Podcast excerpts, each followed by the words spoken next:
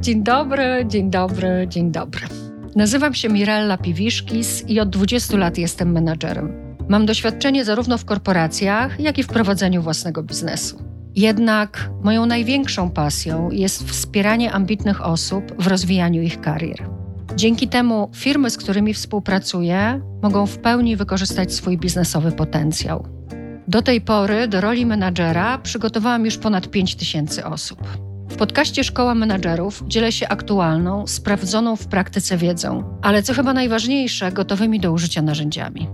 Jeśli jesteś menadżerem, właścicielem firmy lub po prostu marzysz o awansie, ten podcast jest właśnie dla Ciebie. Zapraszam.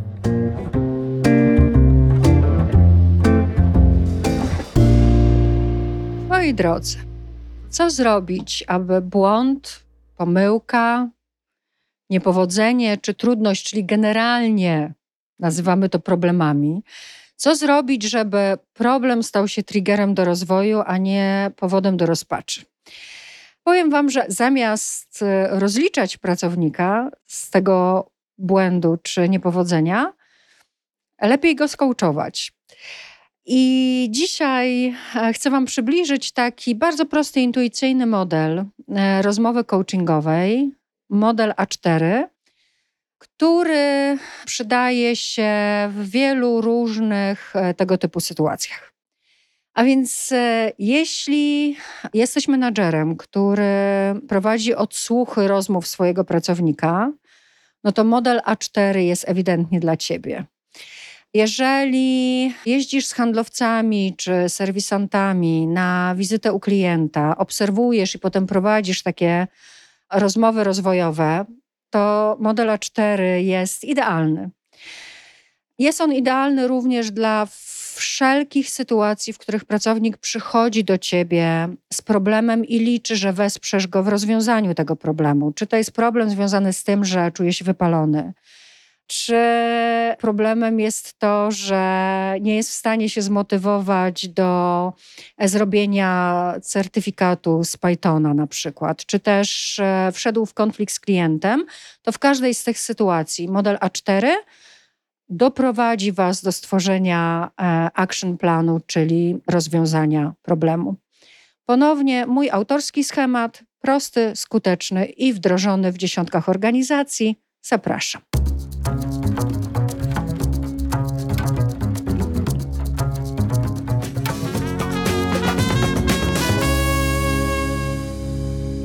Coaching.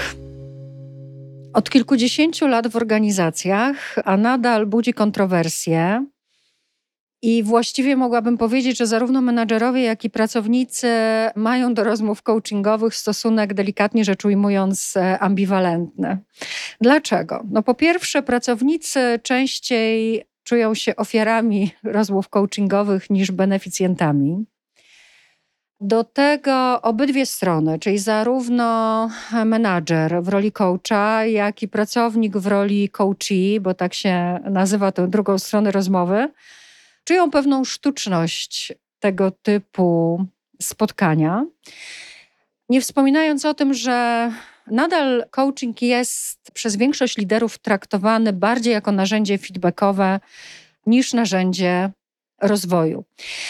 Model A4 to jest bardzo prosty schemat prowadzenia takiej rozmowy coachingowej. Na tyle prosty, że moje dzieci w sytuacji wyzwań, czy to szkolnych, czy towarzyskich, już same nawet myślą e, tym czteroetapowym schematem. Na tyle prosty, że po jednym dniu szkoleniowym pewna menadżerka była w stanie za pomocą tej metody przełamać e, impas we współpracy ze swoim pracownikiem, a powiem Wam, że była gotowa się e, z nim rozstać. Także model ten faktycznie skutecznie przeprowadzi Was od problemu przez wyznaczenie, a właściwie wsparcie pracownika w zamianie tego problemu na cel, po generację pomysłów i stworzenie action planu na przyszłość. Zacznijmy jednak od początku. Zacznijmy od tego, czym jest coaching. To jest dosyć szerokie pojęcie i ja Wam dzisiaj będę opowiadać tylko o jednym modelu, o takim elemencie zarządzania coachingowego, ale coaching w takim największym skrócie, wyjaśniając to w najprostszy sposób. To jest narzędzie rozwoju i motywowania, dzięki któremu coach, w naszym przypadku menadżer, wchodzi w rolę coacha, wspiera pracownika w osiąganiu przez niego celów. Rozmowa ta zwykle w środowisku pracy zaczyna się jednak od dostrzeżenia jakiegoś problemu, ale dzisiaj właśnie będę Was zachęcać do tego, żeby nie rozwiązywać problemów, a zamieniać problemy na cel i dopiero potem szukać sposobów na osiągnięcie tego celu, a dlaczego to się za chwilę wyjaśni.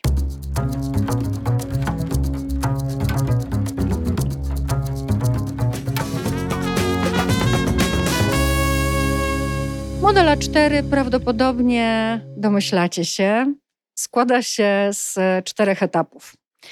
Pierwszy etap to analiza stanu zastanego, czyli tak naprawdę analiza tego, co jest problemem, co nam nie wyszło w konkretnej rozmowie, co nam utrudnia um, efektywną pracę. Drugi etap to zbadanie, zrozumienie e, aspiracji pracownika w tym obszarze, którego dotyczy wyzwanie, dotyczy problem, i wsparcie pracownika w zamianie tej aspiracji na smartny cel. Potem dopiero jest poszukiwanie alternatywnych rozwiązań, czyli etap kreatywny generowania pomysłów, w jaki sposób te aspiracje, z których powstał cel, mogą być zaspokojone. I na koniec mamy action plan, czyli pierwsze kroki, które wykona pracownik osadzone w czasie. Przejdźmy więc przez ten model po kolei na kilku przykładach. Pierwsze A, przypomnę, to analiza stanu zastanego. Najważniejszą funkcją tego etapu jest wejście w buty naszego pracownika, czyli zrozumienie tego, jak sytuację pracownik postrzega.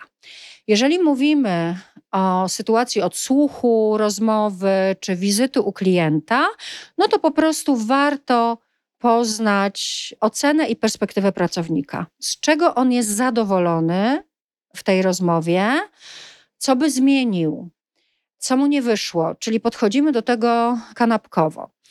Jeżeli mówimy o problemie, na przykład takim, że nie mogę się zmotywować do zrobienia certyfikatu, którego ode mnie wymaga mój przełożony, no to również warto poznać przede wszystkim, moi drodzy, przyczyny tego stanu rzeczy. Czyli bardzo ważne pytanie, co jest powodem tego, że klient w rozmowie nie zdecydował się na nasz produkt?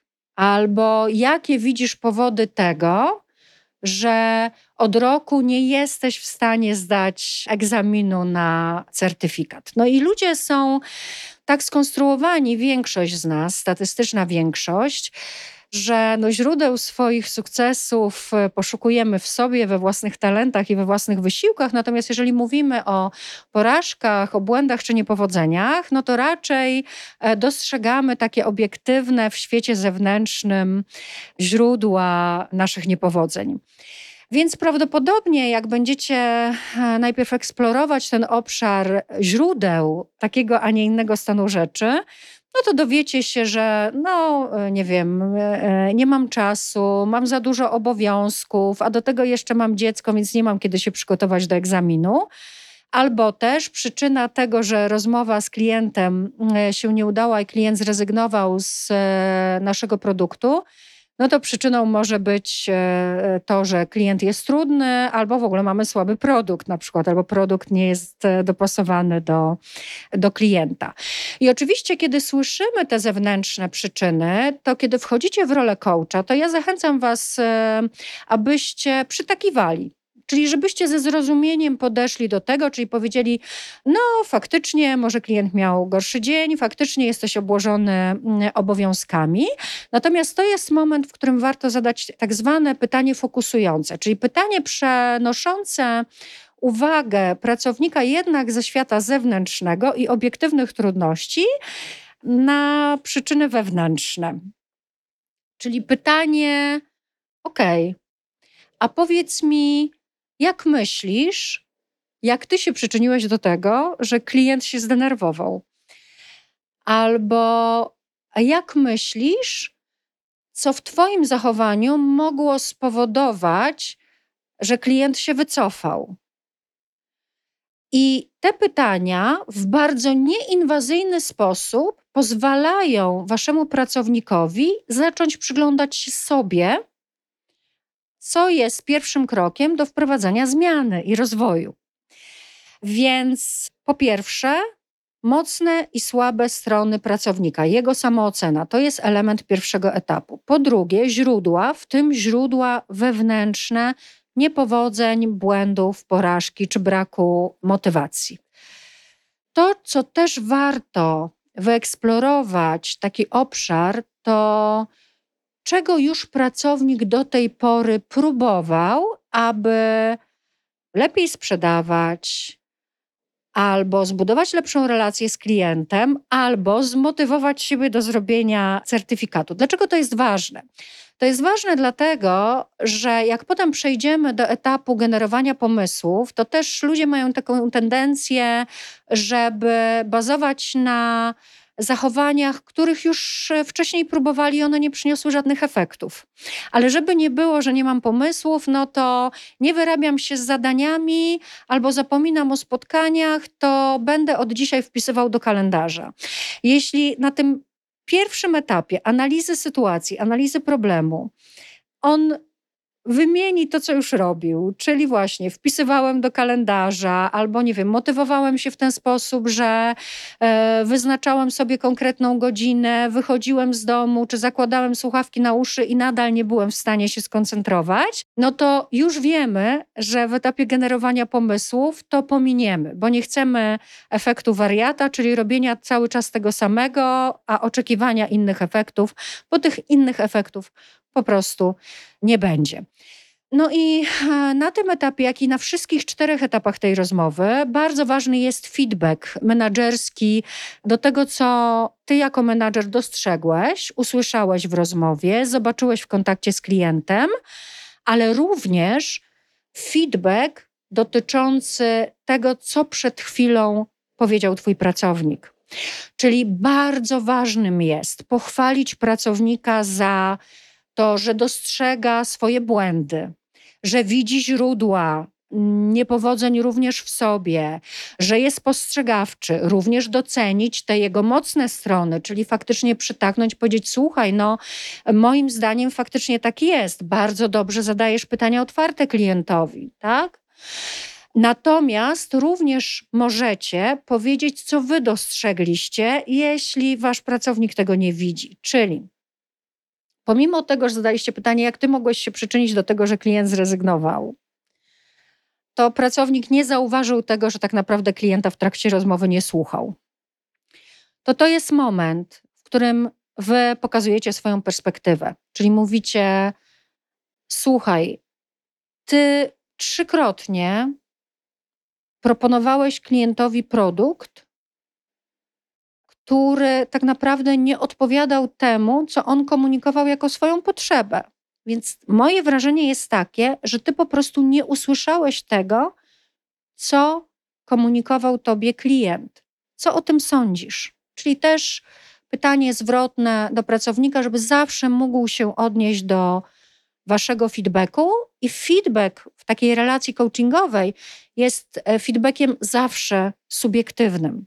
Czyli używajcie takich sformułowań jak moim zdaniem, z mojej perspektywy, albo chciałbym zwrócić Twoją uwagę na ten i ten aspekt.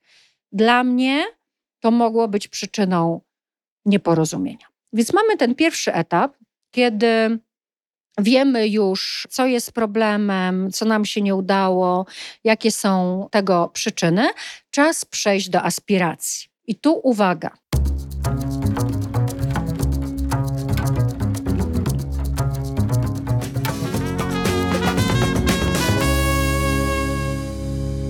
Zobaczcie, najpierw zamieniamy problem na cel, a dopiero potem szukamy rozwiązań dla osiągnięcia tego celu. Większość ludzi i większość menadżerów, nawet doświadczonych, którzy mają poczucie, że kołczują już od wielu lat, omijają ten etap generowania celu, tylko szukają już rozwiązań problemu. Czyli zapominasz o spotkaniach z klientem, dobra, wpisz sobie do kalendarza. Nie możesz się zmotywować do systematycznej nauki przed certyfikacją, zrób sobie postanowienie i opowiedz trzem osobom, żeby cię pilnowały. Dlaczego nie idziemy od problemu do rozwiązania, tylko cel jest niezbędny i jest największą przewagą coachingu? Już mówię.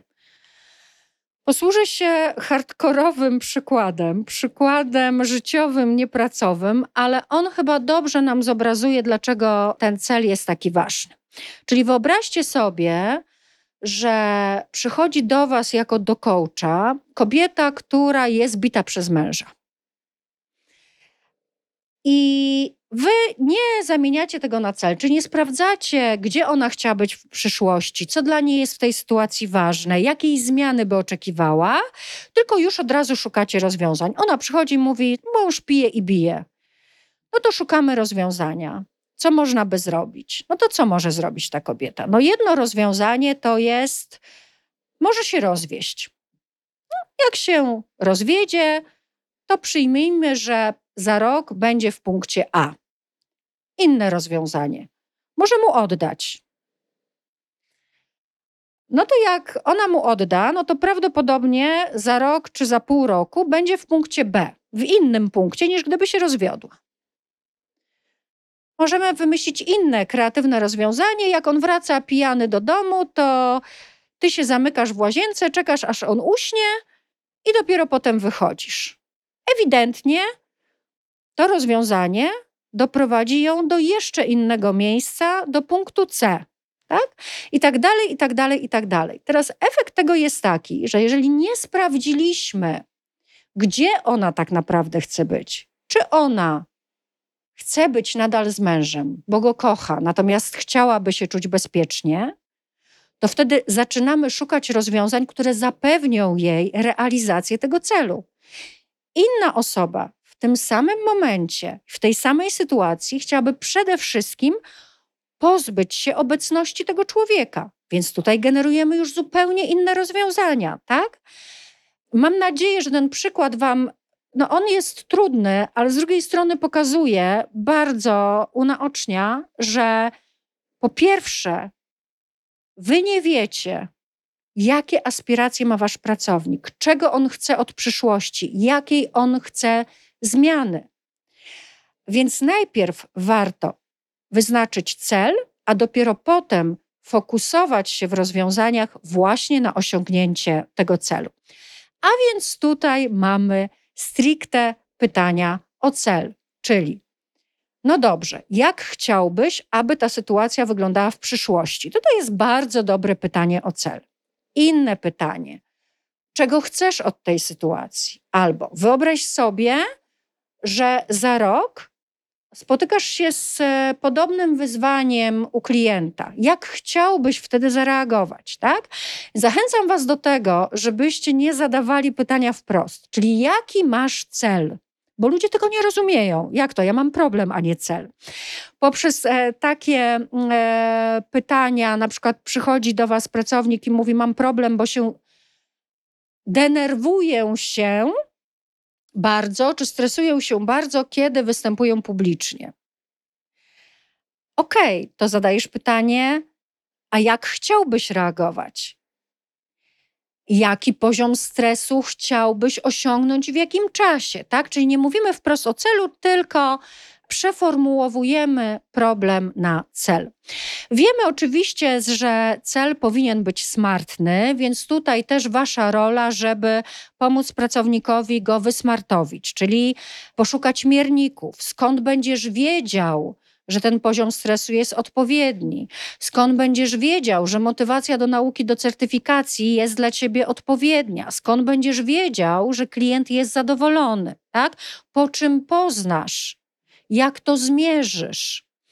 Oczywiście warto też każdy cel osadzać w czasie, czyli pytania, ile dajesz sobie na to czasu? Jak myślisz, kiedy byłoby to możliwe? Czyli to są takie obszary, gdzie pomagacie e, pracownikowi ten cel wysmartowić. Bardzo ważna rzecz.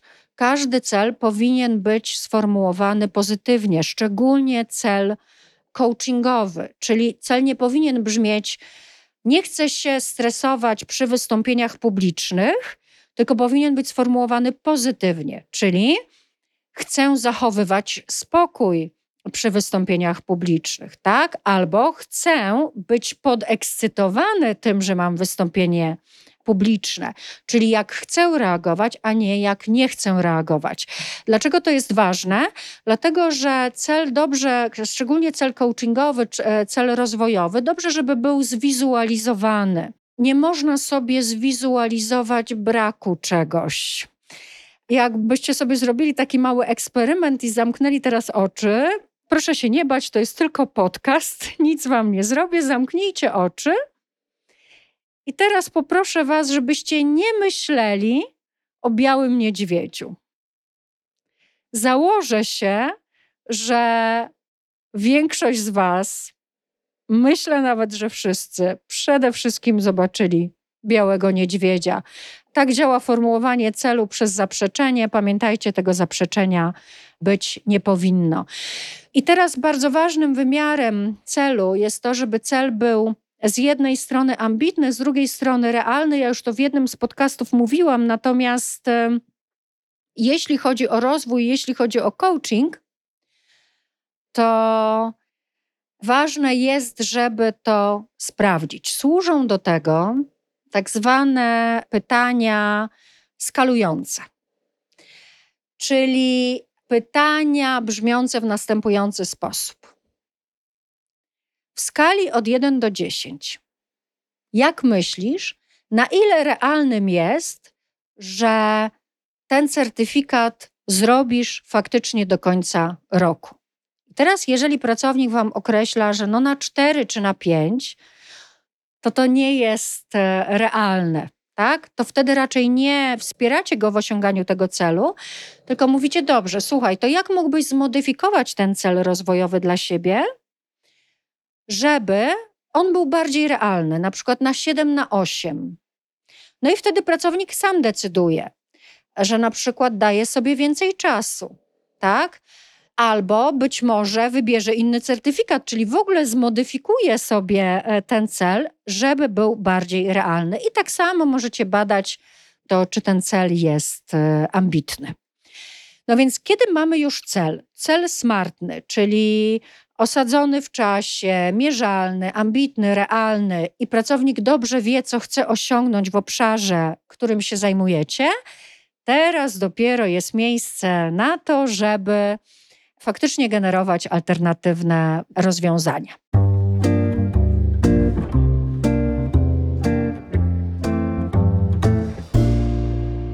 W jaki sposób nie pytamy o pomysły, nie pytamy o rozwiązania? No więc nie pytamy, co możesz zrobić, żeby osiągnąć ten cel.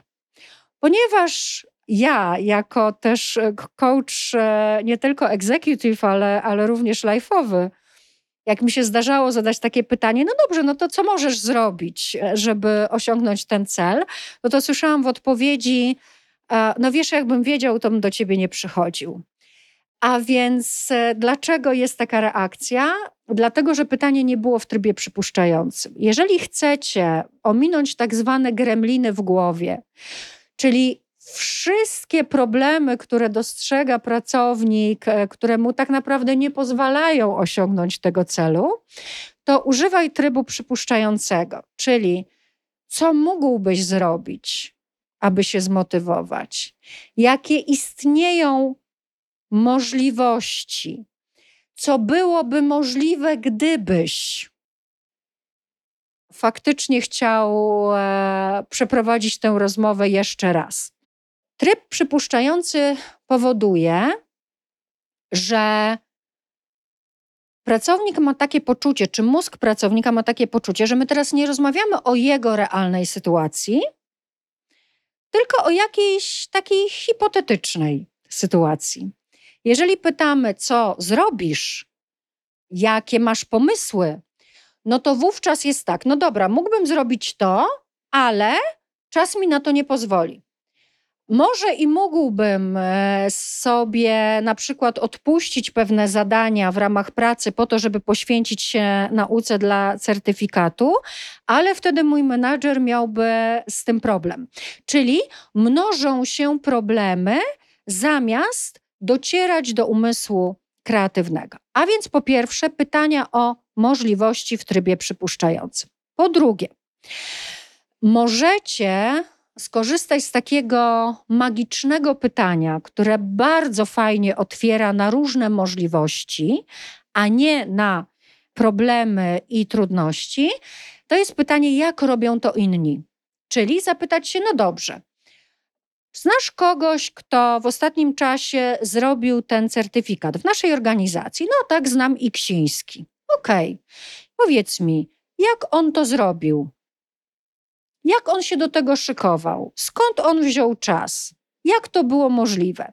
I teraz rozmawiamy nie o pracowniku, tylko rozmawiamy o kimś innym, ale jest to inspiracją dla pracownika, czyli pomagacie mu potem przenieść to doświadczenie innej osoby na własne doświadczenie. Albo możecie nie szukać benchmarku, tylko możecie w ogóle szukać motywatorów w innych sytuacjach. Czyli ważne jest, jak w każdym myśleniu kreatywnym, żeby nie szukać rozwiązań tam, gdzie jest problem.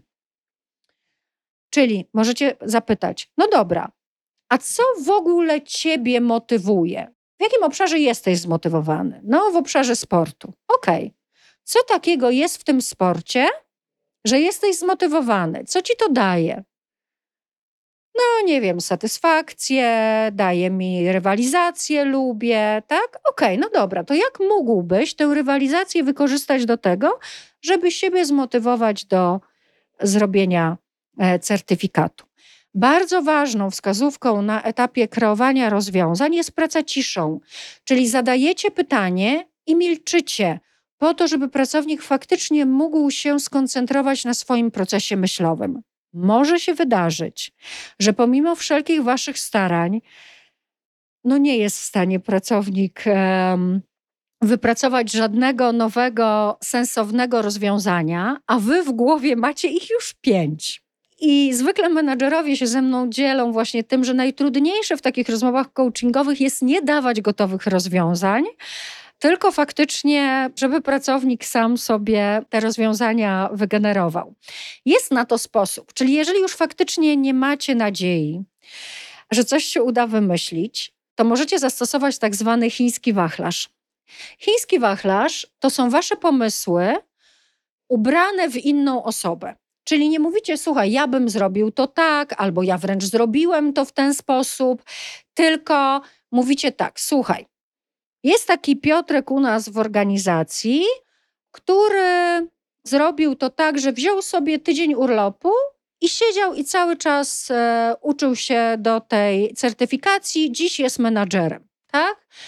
Znam takie osoby, które szykując się do certyfikacji, ustalają z menadżerem elastyczny czas pracy i faktycznie w trakcie dnia pracy poświęcają pewną część na naukę. Tak? I dajemy kilka różnych rozwiązań, które my mamy w głowie, ubierając to w inne osoby, i to jest zawsze bardzo fajna inspiracja dla pracownika. Bardzo często, że tak powiem kolokwialnie, coś klika i mówi: No tak, właściwie faktycznie masz rację, ja po prostu po południu jestem już tak zmęczony, że nie mogę się szykować, a gdybym mógł to robić w trakcie dnia pracy, to mogłoby mi pomóc. Ostatnia rzecz a propos poszukiwania alternatywnych rozwiązań, czyli tej kreatywnej pracy nad pomysłami. Tu jest tak zwany, dowcipnisie czasem nazywają coaching i coachingiem. Co to znaczy? To znaczy, że pierwsze pomysły, które pojawią się w głowie waszego pracownika, one nie będą kreatywne, one będą odtwórcze i prawdopodobnie nie przyniosą spodziewanych efektów. Natomiast y, trzeba po prostu pomóc pracownikowi ten etap przetrwać poprzez jedno z najważniejszych pytań. I co jeszcze mógłbyś zrobić? I jakie jeszcze masz pomysły? I jakie jeszcze dostrzegasz możliwości? I jakie inne sposoby przychodzą ci do głowy? Czyli i coaching. Nie zatrzymujcie się na pierwszym pomyśle, na drugim pomyśle, na trzecim pomyśle. I co jeszcze? I jak jeszcze? I w jaki inny sposób mógłbyś to zrobić. No więc jak macie już ten wachlarz alternatywnych rozwiązań, załóżmy, że mamy ich 5, 6, 7 czy 8 tych pomysłów, życzę Wam, żeby było ich jak najwięcej, no to przechodzimy do ostatniego etapu, czyli action planu.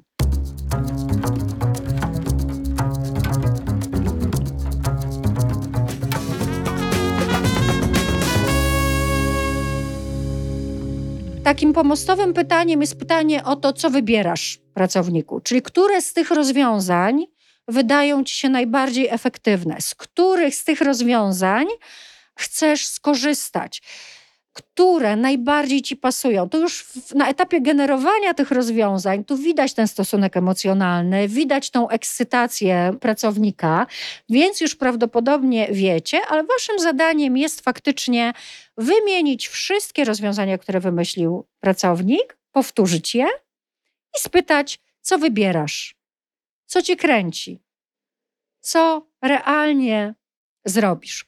I jak już wybierze rozwiązanie, czyli na przykład szkolenie z komunikacji chcę zrobić. Tak, ja chcę pójść na szkolenie z komunikacji, tak? Albo chcę popracować z mentorem od komunikacji, albo chcę nauczyć się słuchania dzięki temu e, szkoleniu.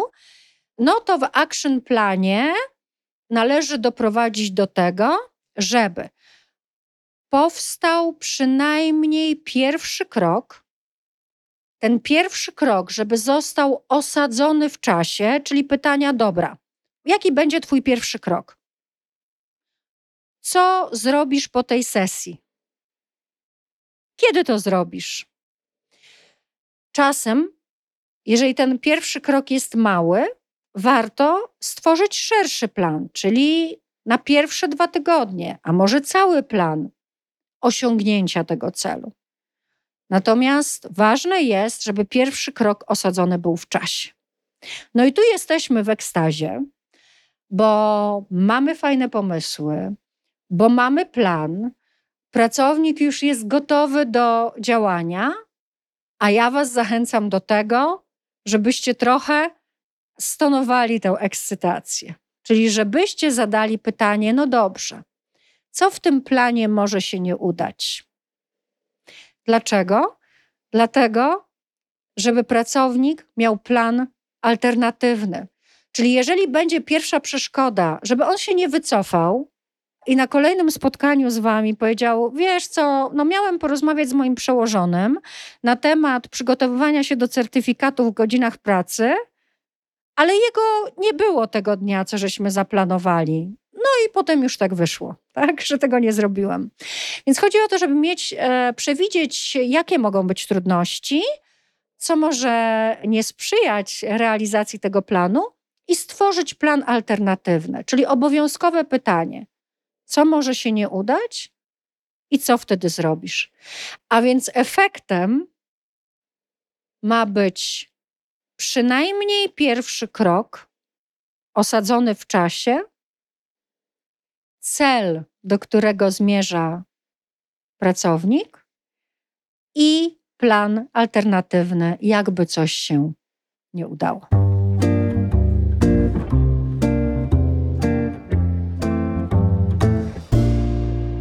Moi drodzy, schemat A4 właściwie ogranicza się do czterech podstawowych pytań Więc rozmowa ta nie musi trwać pół godziny ani 15 minut. To może być tak zwany coaching korytarzowy, bo to są cztery pytania. Jak wygląda sytuacja? Co chcesz osiągnąć? Co mógłbyś zrobić? I co zrobisz? I czasem te cztery pytania powodują, że pracownik i wie, dokąd zmierza, i wie, co zrobi. Bardzo Was zachęcam do tego, gdybyście chcieli sobie przetrenować ten intuicyjny model rozmowy coachingowej, żeby zacząć od siebie. Robić sobie self-coaching. Czyli jak tylko dostrzeżecie problem jakiś w swoim życiu, na przykład, że nie wiem, mój mąż za dużo pracuje, tak? To poprzez te cztery pytania zamieńcie sobie to na cel, czyli tak naprawdę czego ja chcę od tej sytuacji, jak ja chcę, żeby wyglądała ta sytuacja docelowo. Wysmartowcie sobie ten cel. Wygenerujcie różnego rodzaju pomysły, czyli zadajcie sobie pytanie, dobra, co mogłabym zrobić, żeby ten mój mąż był wcześniej w domu? Jakie są różne rozwiązania? No a potem zdecydujcie się na któreś z tych rozwiązań i podejmijcie działanie. To jest jeden z najfajniejszych sposobów na to, żeby po pierwsze przyswoić sobie ten model, po drugie, żeby zobaczyć, że warto zamieniać problemy na cel i że wtedy jesteśmy bardzo proaktywni, więc wasze życie się będzie zmieniać w kierunku faktycznie takiej realnej, realnej zmiany. No a potem, jak już przetrenujecie na sobie, to zawsze zachęcam wszystkich menadżerów. Drugi krok: trenujcie na znajomych, dzieciach, mężach, rodzinie. Trzeci krok: zacznijcie w pracy. Zobaczycie, jaki będzie efekt. Będziecie mieć pracowników zmotywowanych do działania, takich, którzy biorą odpowiedzialność za swój własny rozwój i którzy ten rozwój planują realnie w czasie. Jak zwykle zapraszam Was na mirellapiwiszkis.com ukośnik 9, gdzie będą notatki do tego odcinka. Do tego również będziecie mogli sobie pobrać arkusz przygotowawczy do rozmowy coachingowej A4 oraz stworzę Wam listę takich podstawowych, gotowych do użycia pytań, które na każdym z tych etapów przydatne będą dla Was i będzie warto ich używać. Dziękuję bardzo i do usłyszenia za tydzień.